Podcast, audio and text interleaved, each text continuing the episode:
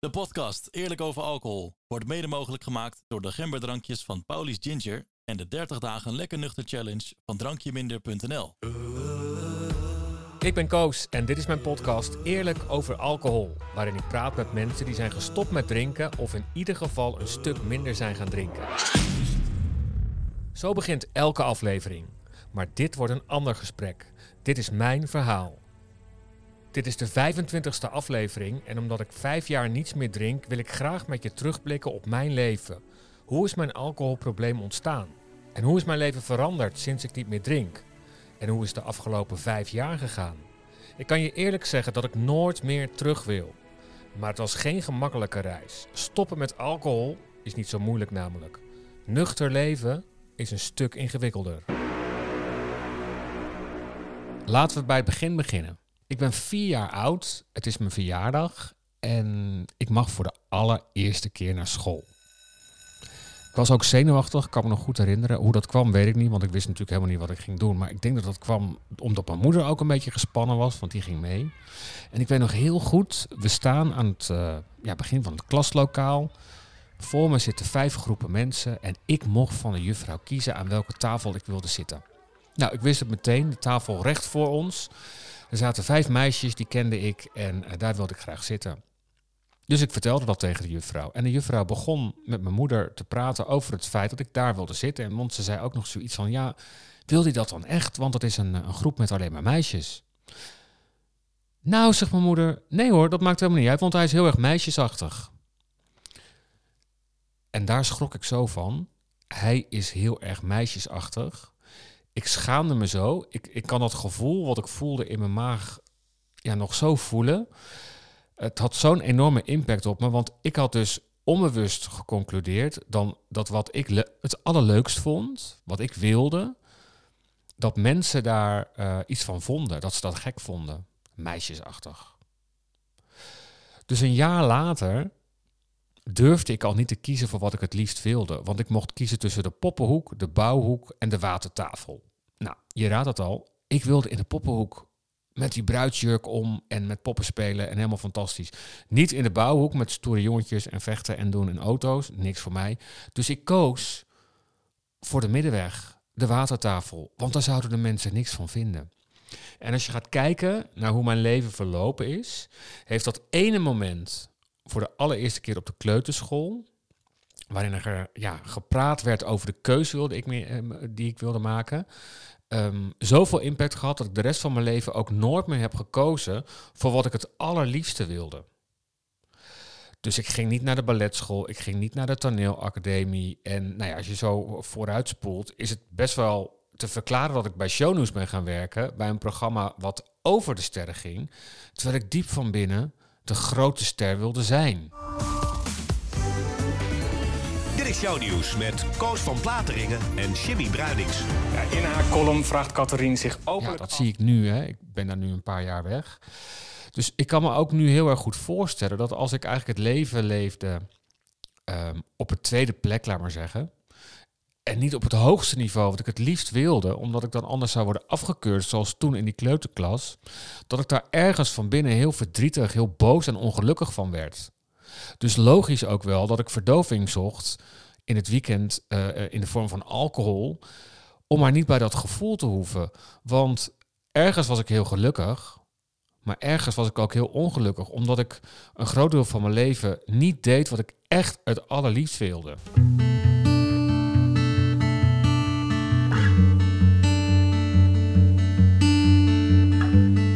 Op de kleuterschool begon het dus. Um, schaamte, het gevoel van anders voelen en niet helemaal bijhoren. Um, ik was wel inderdaad een jongetje wat hield van dingen, ja, je zou dan nu zeggen, dingen die meisjes ook leuk vonden. Ik speelde met poppen, ik wilde bij de majoretten, um, ik danste, ik deed de musicals na. ja, ik, ik voelde geen aansluiting met jongetjes en ik had wel altijd het idee, dit klopt niet. Dus hoe ik was, dat klopte niet. Dus toen ik later op de middelbare school ook uitgescholden werd voor mietje en homo en ja, kwam dat zo hard binnen, want ik dacht echt van zie je nou wel hoe ik ben? Ja, zo hoor ik niet te zijn. Ik ben geen echte man, ik voldoen niet aan, uh, aan de norm. Dus ik zat in een enorme identiteitscrisis. En ik weet niet of ik dat toen op dat moment ook al zo ervaren. Maar ik voelde me wel echt heel erg alleen en onbegrepen. Aan de andere kant had ik ook een leuk leven. Want ik was heel populair, bij de meisjes vooral. Ik deed musicals, ik zat in het organisatiecomité. Dus ik liet mezelf ook wel zien. Maar ergens koos ik nooit voor wat ik het liefst wilde. Rond een jaar of 16, denk ik, begon ik te experimenteren met alcohol. Want ik was op een feestje en daar ging ik ehm, van dat rode spul even drinken. Ja, volgens mij ook met 7-Up. En daar waren ook de jongens die mij pesten. En op het moment dat ik dus dronk met hun, was ik één van hun. Dus het gaf me een soort van status. En ik kon met ze meedrinken. Dus uh, ik deed mee met de mannen. Dus ik hoefde me niet te schaamte. En dat gevoel van schaamte ging weg. Logisch. Drank verzacht emoties, ongemakkelijke gevoelens. Ik weet er nu alles van. Toen wist ik het niet. Toen ervaarde ik het. Dus daar is wel al een zaadje geplant. Ehm, later ook op schoolfeesten al dat ik me nu realiseer dat ik heel veel dronk. Ook overgeven en dan weer doorgaan. Um, later ook veel gebloot. En ja, uiteindelijk als ik er nu op terugkijk, dat elk weekend gewoon zo dronken worden dat je niet meer op je benen kan staan, dan ook nog gaan zitten blowen, gaan kotsen, um, nou ja, noem maar overal plassen s'nachts tijdens het slapen, eh, of nog erger, ik zal niet in details treden. Ehm, ja, ik zocht die verdoving op uh, in het weekend, om maar niet bij dat gevoel te hoeven van, van schaamte wat ik door de week had.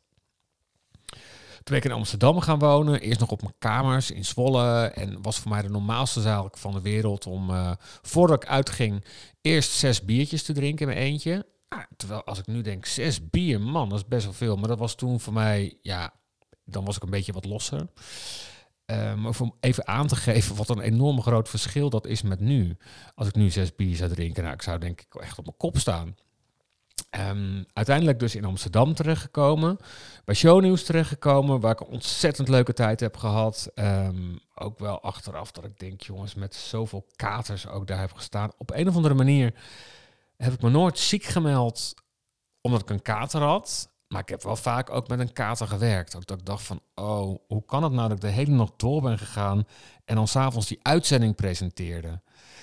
Um, totaal in dat verre licht. En dan live tv, het is spannend. En van die wegtrekkers. En op een of andere manier ben je dan wel heel erg gefocust. Dus ik denk dat nooit iemand het gemerkt heeft. Maar ik voelde me echt afschuwelijk, kan ik me zeggen. En dat ik nou dacht, nou ja, volgend weekend doe ik het even niet. Nee hoor, ik moest gewoon elk weekend um, ja, totaal, totaal door het lint. Er was geen stoppen aan. Ik was ook echt. Uh, alcohol moest in mijn leven passen. Ik was, ik, ik, ik, was alles aan het doen om ervoor te kunnen zorgen dat ik maar kon blijven drinken. Want ja, het, ging ook, het liep wel eens uit de hand. Of uh, was ik weer gevallen, weer mijn telefoon kwijt. Straks het vervolg van dit gesprek.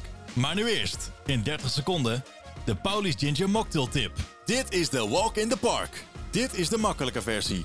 De meer uitgebreide versie staat op onze website. Door de komkommer en basilicum is het een heerlijk fris en verrassend drankje. Wat heb je hiervoor nodig? Pauli's Ginger Original, een halve limoen, vier stukjes komkommer, zes basilicumblaadjes, bruiswater en ijsblokjes. Hoe maak je het? Stamp een paar stukjes komkommer en 6 basilicumblaadjes fijn en voeg het toe in een mooi longdrinkglas. Voeg 20 ml Pauli's Ginger Original toe en knijp een halve limoen uit boven het glas. Roer het allemaal even stevig door Vul het aan met bruiswater en voeg nog wat ijsblokjes toe. En dan is het weer heerlijk genieten. Proost en geniet ervan. Uiteindelijk werd dat uh, zo rond mijn veertigste echt wel problematisch. Uh, het werd steeds, extremer, het drinken. Uh, ik had al eigenlijk elk weekend ruzie met Ton. En dat is, um, ja, dat neem ik mezelf best wel kwalijk. Want ik had het ook zo gemanipuleerd dat mensen hem vervelend vonden en mij niet. Terwijl hij op een gegeven moment tegen me zei: Koos, doe je rustig aan met alcohol. En dan zeiden mensen: joh, laat hem nou, uh, hij is toch lekker en gezellig. Ja, ik was op dat feestje ook nog wel gezellig. Maar in de auto begon ik vaak al, hè. Want ik wilde ik niet weg. En in de, in de auto begon ik echt te dreinen. Dat was eigenlijk het, het, het ongelukkige jongetje wat zich niet gezien heeft gevoeld in zijn, in zijn vroege jeugd was dan, kwam dan naar boven. Boos, ehm, teleurgesteld, eh, verdrietig. En die begon te treiteren en ruzie te maken. Dus we hadden eigenlijk elk weekend ehm, hadden we ruzie. En dat, dat, dat ging echt van kwaad tot erger. Ik was sowieso s'nachts heel onrustig. Lopen, tuffen, schreeuwen, kermen. ehm. ja, voor Ton was ik op feestjes eigenlijk ook een soort tikkende tijdbom. Want hij wist, het kon of de foute kant op gaan of niet de foute kant op gaan. Maar dan alsnog was ik gewoon dan de zondag erop gewoon totaal sloom en duf en lag ik op bed. Dus had je niks aan mij. Dus dat was eigenlijk ook helemaal niet gezellig. Of het ging fout. Ja, dan hadden we gewoon ruzie. En die ruzies werden steeds extremer. Ik werd steeds agressiever. Eh, ging met dingen gooien in huis. Eh, dieptepunt is denk ik wel dat ik met een hakpijl achter hem aan ben gelopen hier op het erf. Ik kan me dat nu niet voorstellen. Joh. Er kwam echt een duivel in me naar boven. Die ik niet meer in de hand had. En als dat nou één keer gebeurt, nou, dat kan. Maar dan dacht ik, nou, ik ga nu nog nu even rustig aandoen. Nou, ging het één weekend wat rustiger. Nou, lees, dan was ik ook nog gewoon echt dronken hoor. En het weekend erop was het gewoon weer ruzie. En nog steeds dacht ik niet, ik moet hiermee stoppen. Ik heb een keer een hele bruiloft verziekt van vrienden. Dat was meerdaags feest, dus het was fantastisch. Want dan kon je lekker elke... Die houden ook wel van een wijntje. Dus dat was echt... Overal was wijn bij. Van 's ochtends, eind van de ochtend tot laat in de avond. Maar ik was zo vervelend. Ja, echt, echt schaamteloos gedrag. Eh, getrouwde mannen versieren. ehm, ja, proberen te zoenen en maar denken dat je grappig bent. En als ik het nu zeg, denk ik, ja, het is net of ik het over een heel ander persoon heb, maar ik was het dus gewoon. En ook na dat weekend, waar ik ook weer heel erg ruzie had gehad met Ton, ik heb hem geloof ik echt gewoon u- getuft, waar heel veel mensen bij waren, recht in zijn gezicht. Omdat hij, omdat hij natuurlijk weer zei, Koos, ga nou naar je hotel, Eh, je bent gewoon te dronken. En ja, ik had, echt, ook- ik had ook echt oprecht het gevoel dat ik nog niet dronken genoeg was. Ehm, ging ik maar door. Tot dus, ehm, ja, uiteindelijk 2017. Ja, ik, ik kan nog eh, tal van dit soort gênante dingen opnoemen. Ehm, tot in 2017. Ik had een paar maanden niet gedronken, want ik deed mee aan het eh, programma Dance, Dance, Dance. En daar was ik op vakantie, op Ibiza. En ja, dat was in de zomer. We hadden die hele zomer hadden we eh, gedanst. En ik had niet gedronken. Want het was vier maanden, twintig uur per week repeteren. Die opnameschema's waren gewoon echt keihard werken, was dat.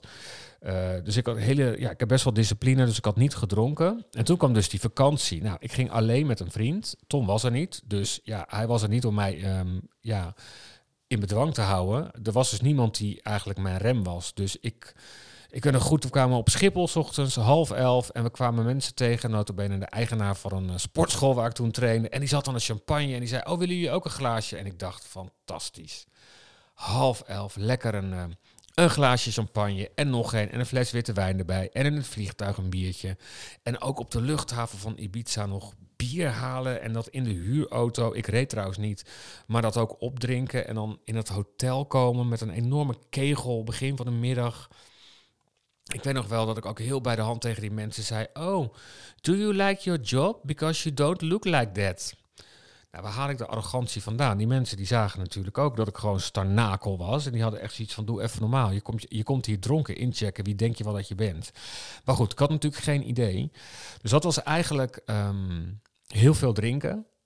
Ik weet nog goed dat die vriend eh, op een ochtend tegen me zei... Koos, wat was jij gisteren aan het doen? Je was zo raar, je werd zo agressief... en je wilde met staattafels gaan gooien... en ik kon je helemaal niet meer in bedwang houden... en je leek niet te stoppen. En van het hele incident weet ik dus helemaal niks. Moet je nagaan hoe, hoe ver ik heen was.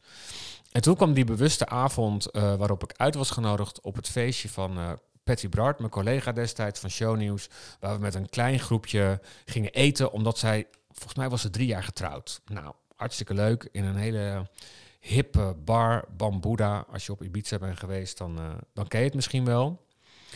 Eh, ik had smiddags bij het zwembad flink zitten drinken. Eh, ik voelde me redelijk nuchter, maar ik dacht wel, ik ga nu rode wijn drinken, want ja, dat, ik was even klaar met de witte wijn en het bier.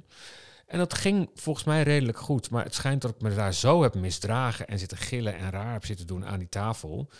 Dat op een gegeven moment, ik was naar het toilet, dat twee collega's tegen mij zeiden: Koos, het is beter dat je naar huis gaat. Je bent, ja, ik weet niet wat er is, maar je bent gewoon niet, niet leuk. Je bent niet gezellig. Je zegt rare dingen.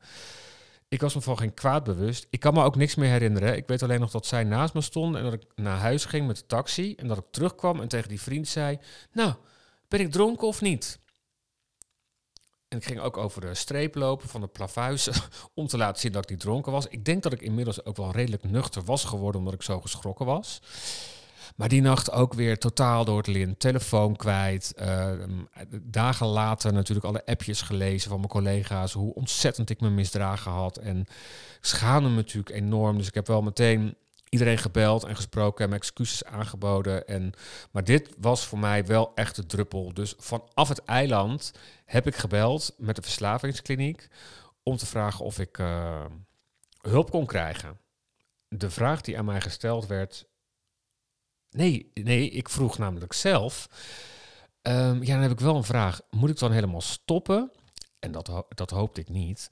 Of moet ik leren, ga ik leren omgaan met alcohol? En dat hoopte ik. Eigenlijk wist ik het antwoord wel. Nou, nee, zei die hele lieve mevrouw aan de andere kant van de telefoon. Nee, wij, uh, wij verwachten dan wel volledige abstinentie, een jaar lang. Oef, een jaar lang niet drinken. Nou, ik dacht ik moet maar, want ik had al een aantal keren een stoppoging gedaan.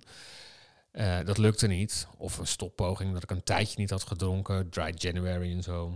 Expeditie Robinson gedaan ook. Vijf weken niks gedronken. Ik heb me daarna nog nooit zo lekker fris en helder genoemd, gevoeld, moet je nagaan. Uh, dus ik besloot dat te doen. En um, elke week, twaalf weken lang, ging ik um, ambulant in een groep zitten. En dan, uh, ja, ik vond het heel gênant om dan echt te zeggen: Hallo, ik ben Koos, alcohol. Je moest dan het middel zeggen wat dan waar je een probleem mee had. En dat heeft me nu heel veel gebracht. En dat is dus nu vijf jaar geleden. Ik ben onderweg naar de, de derde sessie therapie. In de alcoholkliniek Solutions. De eerste keer uh, was een beetje wennen. Vooral in de groep. Uh, ja, het is toch wel heftig om ineens te zien dat je tussen echte alcoholisten zit. Uh, die dag in dag uit drinken en dat nodig hebben om de dag door te komen. op een of andere manier voel ik mezelf nog niet echt een echte alcoholist. Uh, de afgelopen keer drong het wel tot me door dat ik toch echt wel een heel groot probleem had. Dat was de tweede sessie. Meter, rechtsrijden uh, ik werd ook emotioneel toen ik vertelde over dat ik een negatief zelfbeeld heb opgebouwd. Uh, werd gepest vroeger op school. En ehm, ja, dat raakte me wel enorm. Ook omdat ik vertelde over Expeditie Robinson, waar alle mensen zo, zo positief over mij waren. En ik er eigenlijk achter kwam dat ik zonder drank uh, leuk genoeg ben, dus dat ik het eigenlijk helemaal niet nodig heb. Uh, de eerste keer kwam ik naar buiten met het gevoel van shit, ik heb een probleem. Terwijl ik er eigenlijk naar binnen liep met, nou ja, dat gaan we even oplossen. Het, is het enige wat ik niet meer hoef te doen is, uh, is te drinken. En soms werd ik ook wakker met het gevoel van kut. Hmm, er is iets met me aan de hand. Uh, de tweede keer kwam ik naar buiten. Ja, ik merk dat ik de mensen van de groep ook leuk vind. Ik, uh, ik heb er iets aan. Ik vind de verhalen interessant om te horen. Ja, we moesten een, lijstje maken met positieve en minder uh, positieve dingen van drank. De voordelen en de nadelen op korte termijn en op lange termijn. Dat vond ik een beetje kinderachtig. Dat die balans had ik voor mezelf eigenlijk ook al opgemaakt. Um, ja, een van de dingen die ik die voor mij werkt, is het gewoon niet te groot te maken. Gewoon, joh, het enige wat ik niet hoef te doen is te drinken en dan is er gewoon niks aan de hand. Afgelopen weekend was het echt heel heftig. Ja, toen hadden we visite en ik, ik, ben ook naar in de Albert Heijn heb ik zelf nog de wijn uitgezocht. Ik echt dacht, waar ben ik in godsnaam mee bezig? Pinot Grigio genomen. Ik, ik proefde gewoon die smaak, maar ik werd s'avonds gewoon tijdens het eten, ik werd alsof er een soort beest in me zat wat Binnenkort rechtsrijden. had gewoon echt drank nodig gehad. Ik had echt de behoefte om, uh, om te sissen, om heel veel drank uh, Eh, het liefst drugs erbij. Gewoon lekker verdoven. Lekker. Ah. Maar ja, dat is er niet meer. Dus dat moest ik handelen. eh, door de hele tijd te denken: mijn lichaam wil iets, ik niet. En ik ben niet mijn lichaam. Mijn lichaam wil niet iets. Mijn lichaam wil iets. Ik niet. En ik ben niet mijn lichaam. En ehm, dat heeft geholpen. En dan word ik de volgende ochtend wakker en dan denk ik, ah, gelukkig. Het is goed. Dus eigenlijk door de week is geen last. Maar ja, in het weekend wel. En dat zal dit weekend ook wel weer even wennen worden.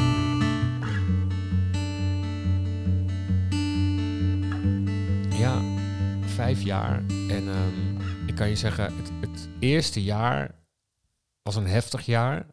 Een enorme rollercoaster. In het begin voelde ik me heerlijk en ik had snel al eh, de positieve effecten van het stoppen met alcohol. Misschien ben je zelf als een tijdje gestopt, dan weet je dat je, ehm, ja, je gaat je helderder voelen, frisser, je hebt meer energie omdat je beter slaapt. Dus je wordt wat liever voor jezelf, ook voor andere mensen om je heen. Je huid wordt beter, je, ja, je bent gewoon meer present. Maar dan komt er ook een, eh, een fase, die noemen ze de wall, eh, de muur. En dan is alles wat je als bijzonder ervaren, laat maar zeggen, normaal geworden. Dus ik ging me ook afvragen, ja, waar doe ik het eigenlijk allemaal voor? Mijn leven is saai, ik ga niet meer uit, ik ga niet meer naar de kroeg, ik ga niet meer naar een festival, ik word niet meer dronken, ik maak niks meer mee. Ik voelde me grijs, ik voelde me, nou, ik had voor het eerst in mijn leven ook depressieve gevoelens. Ehm, en het maakte me eigenlijk ongelukkig, maar ik dacht ook, ja, dit hoort bij, mijn hele, bij de hele ontgifting van mijn systeem. Om vrij te komen van de alcohol. Want zo had ik het geleerd tijdens mijn, eh, eh, mijn traject bij de verslavingskliniek. Dus ik kon, dat, ja, ik kon er makkelijk mee omgaan. Hoewel het wel echt, echt vervelend was soms. Maar uiteindelijk dus ja, daardoorheen gegaan. En ja, dat stabiliseert ook allemaal we- we- wel weer. En ehm, ja, nooit meer terug. Maar waar ik wel achter ben gekomen, dat is ehm, dat ik wel echt heel erg gevoelig ben. Ik ben, zoals dat heet, HSP, een hoogsensitief persoon. Nou, als je me dat een paar jaar geleden had verteld, had ik echt gezegd van, hoezo? Eh, ben je hoogbegaafd? Eh, waar heb je het over? Maar HSP, hooggevoelig, hoogsensitieve personen zijn gevoeliger voor prikkels en voor sferen, voor geluid, geur. Eh, ze kunnen soms de energie van anderen ook voelen. Dus ehm, ja, ik, dat, ik heb dat.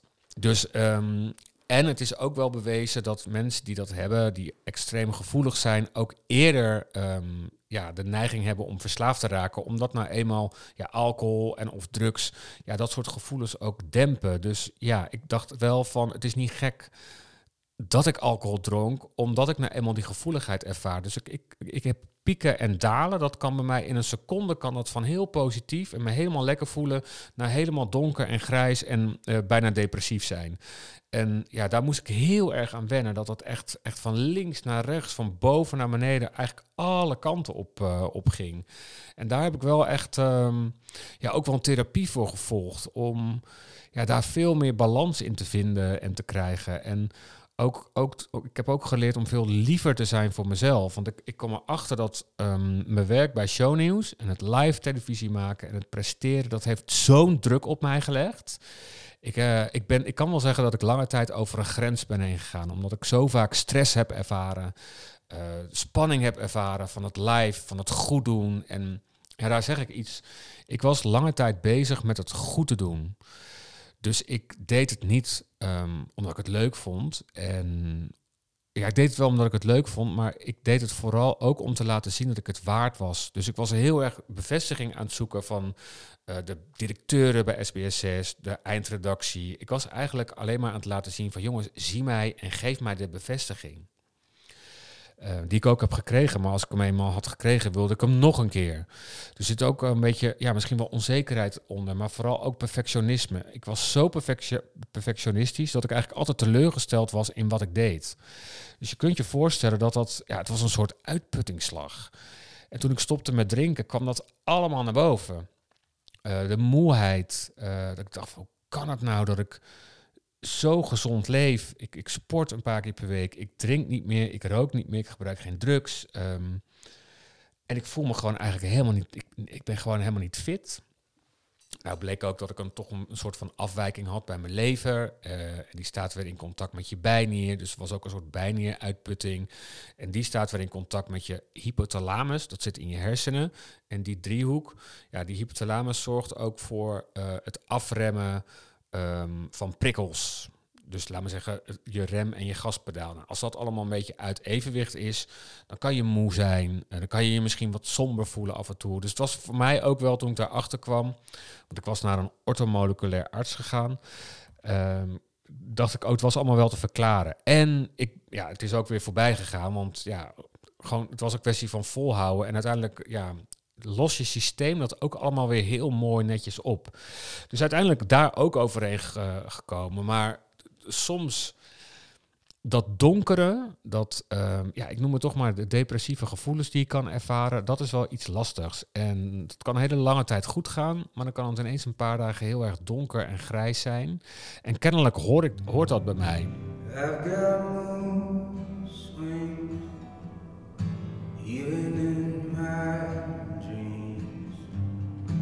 Nobody wants me, even in my Ik weet niet, ja, ik weet niet hoe, hoe het kan. Het is, het is onderdeel van wie ik ben en ik leer er nu mee omgaan. En het is eigenlijk een stuk minder geworden sinds ik echt, en dat heb ik een paar maanden geleden gedaan, sinds ik echt aan mezelf heb toegegeven dat ik een alcoholist ben. En ja, misschien snap je dat niet helemaal, maar ik was eigenlijk, kwam ik achter, want ik was een opleiding verslavingskunde aan het doen, omdat ik ik coach ook mensen. Ik ben nu ook counselor voor mensen die eh, willen stoppen met drinken. En dus ik dacht, ik ga een opleiding doen. En daar kom ik erachter dat ik eh, eigenlijk op wilskracht aan het stoppen was. Dus eigenlijk, ik had besloten, ik ga nooit meer drinken en ik ga nooit meer drinken. Maar op wilskracht stoppen, dat kun je vergelijken met het onder water houden van een skippiebal. En je weet, als je een skippiebal onder water houdt, nou, dat kan je heel lang volhouden, maar uiteindelijk komt hij eruit. En dan komt hij er heftiger uit dan je, dan je zou willen. Zie hem voor je, die skippiebal die ineens bam eruit komt. Dat was ik eigenlijk aan het doen. Dus ja, ik werd er letterlijk ook heel moe van. Van het maar telkens bezig zijn met het niet drinken. Daartegenover staat echt aan jezelf toegeven dat je een alcoholist bent. Dat het helemaal oké is. En dat je verantwoordelijkheid kan nemen voor wat er bij komt kijken dat je alcoholist bent. Dus dat je af en toe onrust ervaart. Dat je af en toe depressieve gevoelens ervaart. Ehm, diepe dalen, hoge pieken. Ehm, ja, alles wat ik net, net eigenlijk omschreef.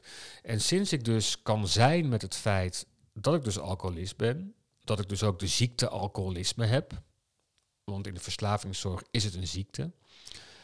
Eh, als je in mijn hoofd zou kijken, dan is de kans groot dat dat iets afwijkt van iemand ehm, in mijn hoofd dan eh, vergelijken met iemand die niet de ziekte alcoholisme heeft. En sinds ik daarmee kan zijn, is het ook allemaal een stuk rustiger. Dan denk ik, ah, oké, dit is dus wat een, ehm, ja, wat bij mij hoort. En het is helemaal oké. Dat betekent niet dat ik voor mijn gedrag de schuld kan geven aan die ziekte alcoholisme of aan het feit dat ik alcoholist ben, maar ik kan er wel verantwoordelijkheid voor nemen. En dat geeft mij, ja, dat was, werkte bij mij zo bevrijdend. Dus als ik nu eh, ongemak ervaar in de vorm van een donkere dag, noem ik het maar, of ik ben wat overgevoelig voor prikkels, dan denk ik, ja, hallo, nou, dit is mijn eh, afhankelijkheid, welkom. Ehm, ja, we dienen er eventjes mee. Of ik bel iemand, of ik ga mediteren, of ik doe yoga. En dan gaat het ook zo weer voorbij. This too shall pass, zeg ik wel eens tegen mezelf.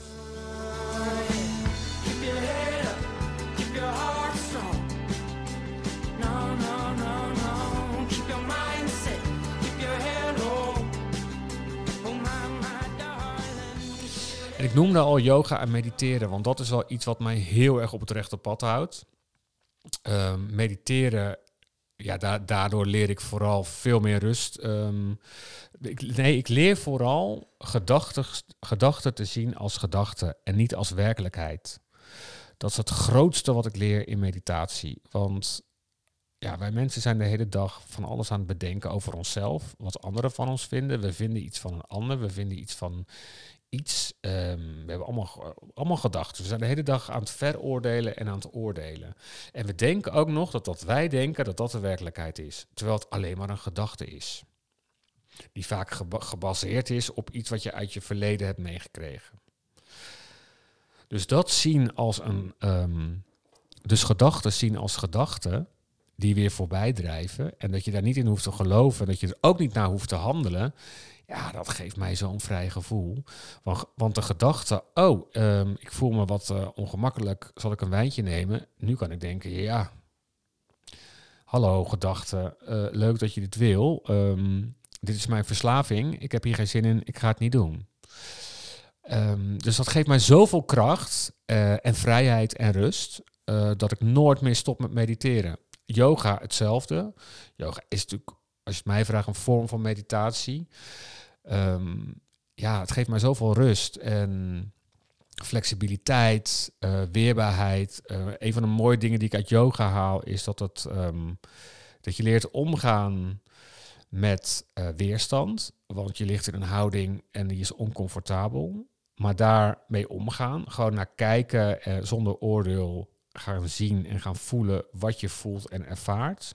Zonder oordeel. Ja, dat neem ik ook mee in het eh, dagelijks leven. Want het dagelijks leven is niet altijd even leuk. Dus je krijgt weerstand. eh, je hebt geen zin om dingen te doen. Alleen weerstand is alleen weerstand, niet meer dan dat. Je hoeft er verder niks mee te doen. Ja, en dat haal ik daaruit. En dat eh, is echt een verrijking voor mijn leven. En daarom organiseer ik nu ook de yoga retreats. Omdat ik heel graag wil dat mensen ook de kracht van yoga gaan ervaren. Dus ja, nu na vijf jaar, eh, er is een hoop verschoven in mijn leven. Eh, geen kroegen meer, geen feesten meer, ehm, geen doldwaze avonturen meer hier in huis. Ik heb andere vrienden gekregen. Ehm, mensen met wie ik eh, een diepgaandere contacten heb dan vroeger de mensen met wie ik naar de kroeg ging. Het waren ook allemaal echt lieve mensen, maar ja, het, het brengt me niet meer wat ik toen, ja, wat ik toen belangrijk vond. Ehm, als ik nu met mensen ben, dan ehm, ja, praten we over wat we meemaken, waar we tegenaan lopen in het leven. En de contacten zijn veel dieper en hechter. En ehm, ja, dat past op dit moment bij me. Dus net zoals mijn werk bij Shownieuws, dat heeft een lange tijd heel erg bij me gepast, dat dacht ik. En ik heb daar hele leuke tijd gehad en zoveel mooie dingen meegemaakt en met mijn neus vooraan gestaan. Ehm, ja, de koninklijke huwelijken in Engeland, het Songfestival, de winst van Duncan Lawrence. Nou, al die interviews die ik heb gedaan met wereldsterren, bekende Nederlanders. Echt heel erg leuk, maar het was een rol die toen bij me paste. Ehm, ik dacht dat het me echt gelukkig zou maken als ik op televisie zou komen. Maar ik ben er nu ook achter gekomen dat het helemaal niet zo is. Het was leuk en het, eh, het bracht me toen iets wat ik heel belangrijk vond. En dat was waardering, een podium, applaus, extern applaus van mensen. En voor mijn gevoel heb ik dat nu niet meer nodig. Eh, de enige aan wie ik verantwoordelijkheid hoef af te leggen en van wie ik applaus moet krijgen, mag krijgen, dat ben ik zelf. Ik hoef dat niet meer extern te halen. En soms heb ik dat nog wel. Maar heel vaak kan ik ook denken, ah, daar ben ik weer. Ik, ehm, ja, ik heb het niet meer nodig om, eh, om het applaus van, van, van iemand anders te krijgen. En dat is, eh, ja, dat is, dat is wel mooi. Dat geeft een vrij gevoel, het geeft een rustig gevoel. En ja, ik word nu veel gelukkiger van dingen die ik eh, totaal anders zijn als toen. Ehm, ja, de coaching die ik doe, het mensen, mensen helpen, dezelfde inzichten meegeven die ik zelf, die mijzelf ook hebben geholpen om gelukkiger te worden. Dat vind ik heel mooi. Mijn platform drankje minder met de yoga retreat erbij, de online trainingen die ik telkens aan het aanpassen ben, aan het veranderen ben, de één op één gesprekken die ik ga voeren. Ja, en alle andere dingen doe, die ik doe. Veel meer contact met de natuur. Ehm, lieve mensen om me heen. Een gezellig huis. Een lieve man, Ton. Die altijd bij me gebleven is. Omdat hij ergens zag dat ik... ehm, ja, dat dat boze jongetje, wat, wat vroeger niet gezien is voor wie die was... en wat, wat zich heel erg alleen heeft gevoeld... ehm, dacht dat hij moest drinken om gelukkig te worden... Eh, en kon hij zien van ja, daar zit ook nog wel een mooi, een mooi mens achter. En daar ben ik heel erg blij en dankbaar voor. Dus ehm, ja, dat is mijn verhaal. Ehm, wil je hier meer over weten of heb je hier een vraag over? Dan vind ik het leuk als je reageert. Je kan, een, eh, kan me via Instagram, het CoastVP natuurlijk benaderen. Ik hoop dat je het leuk vindt om een keer eh, deze vorm van een podcast van Eerlijk Over Alco- Alcohol te luisteren. Ehm dankjewel voor het luisteren. Dit was mijn verhaal. Wil jij ervaren hoe het is om een tijdje niet te drinken? Meld je dan aan voor de 30 dagen lekker nuchter challenge op drankjeminder.nl.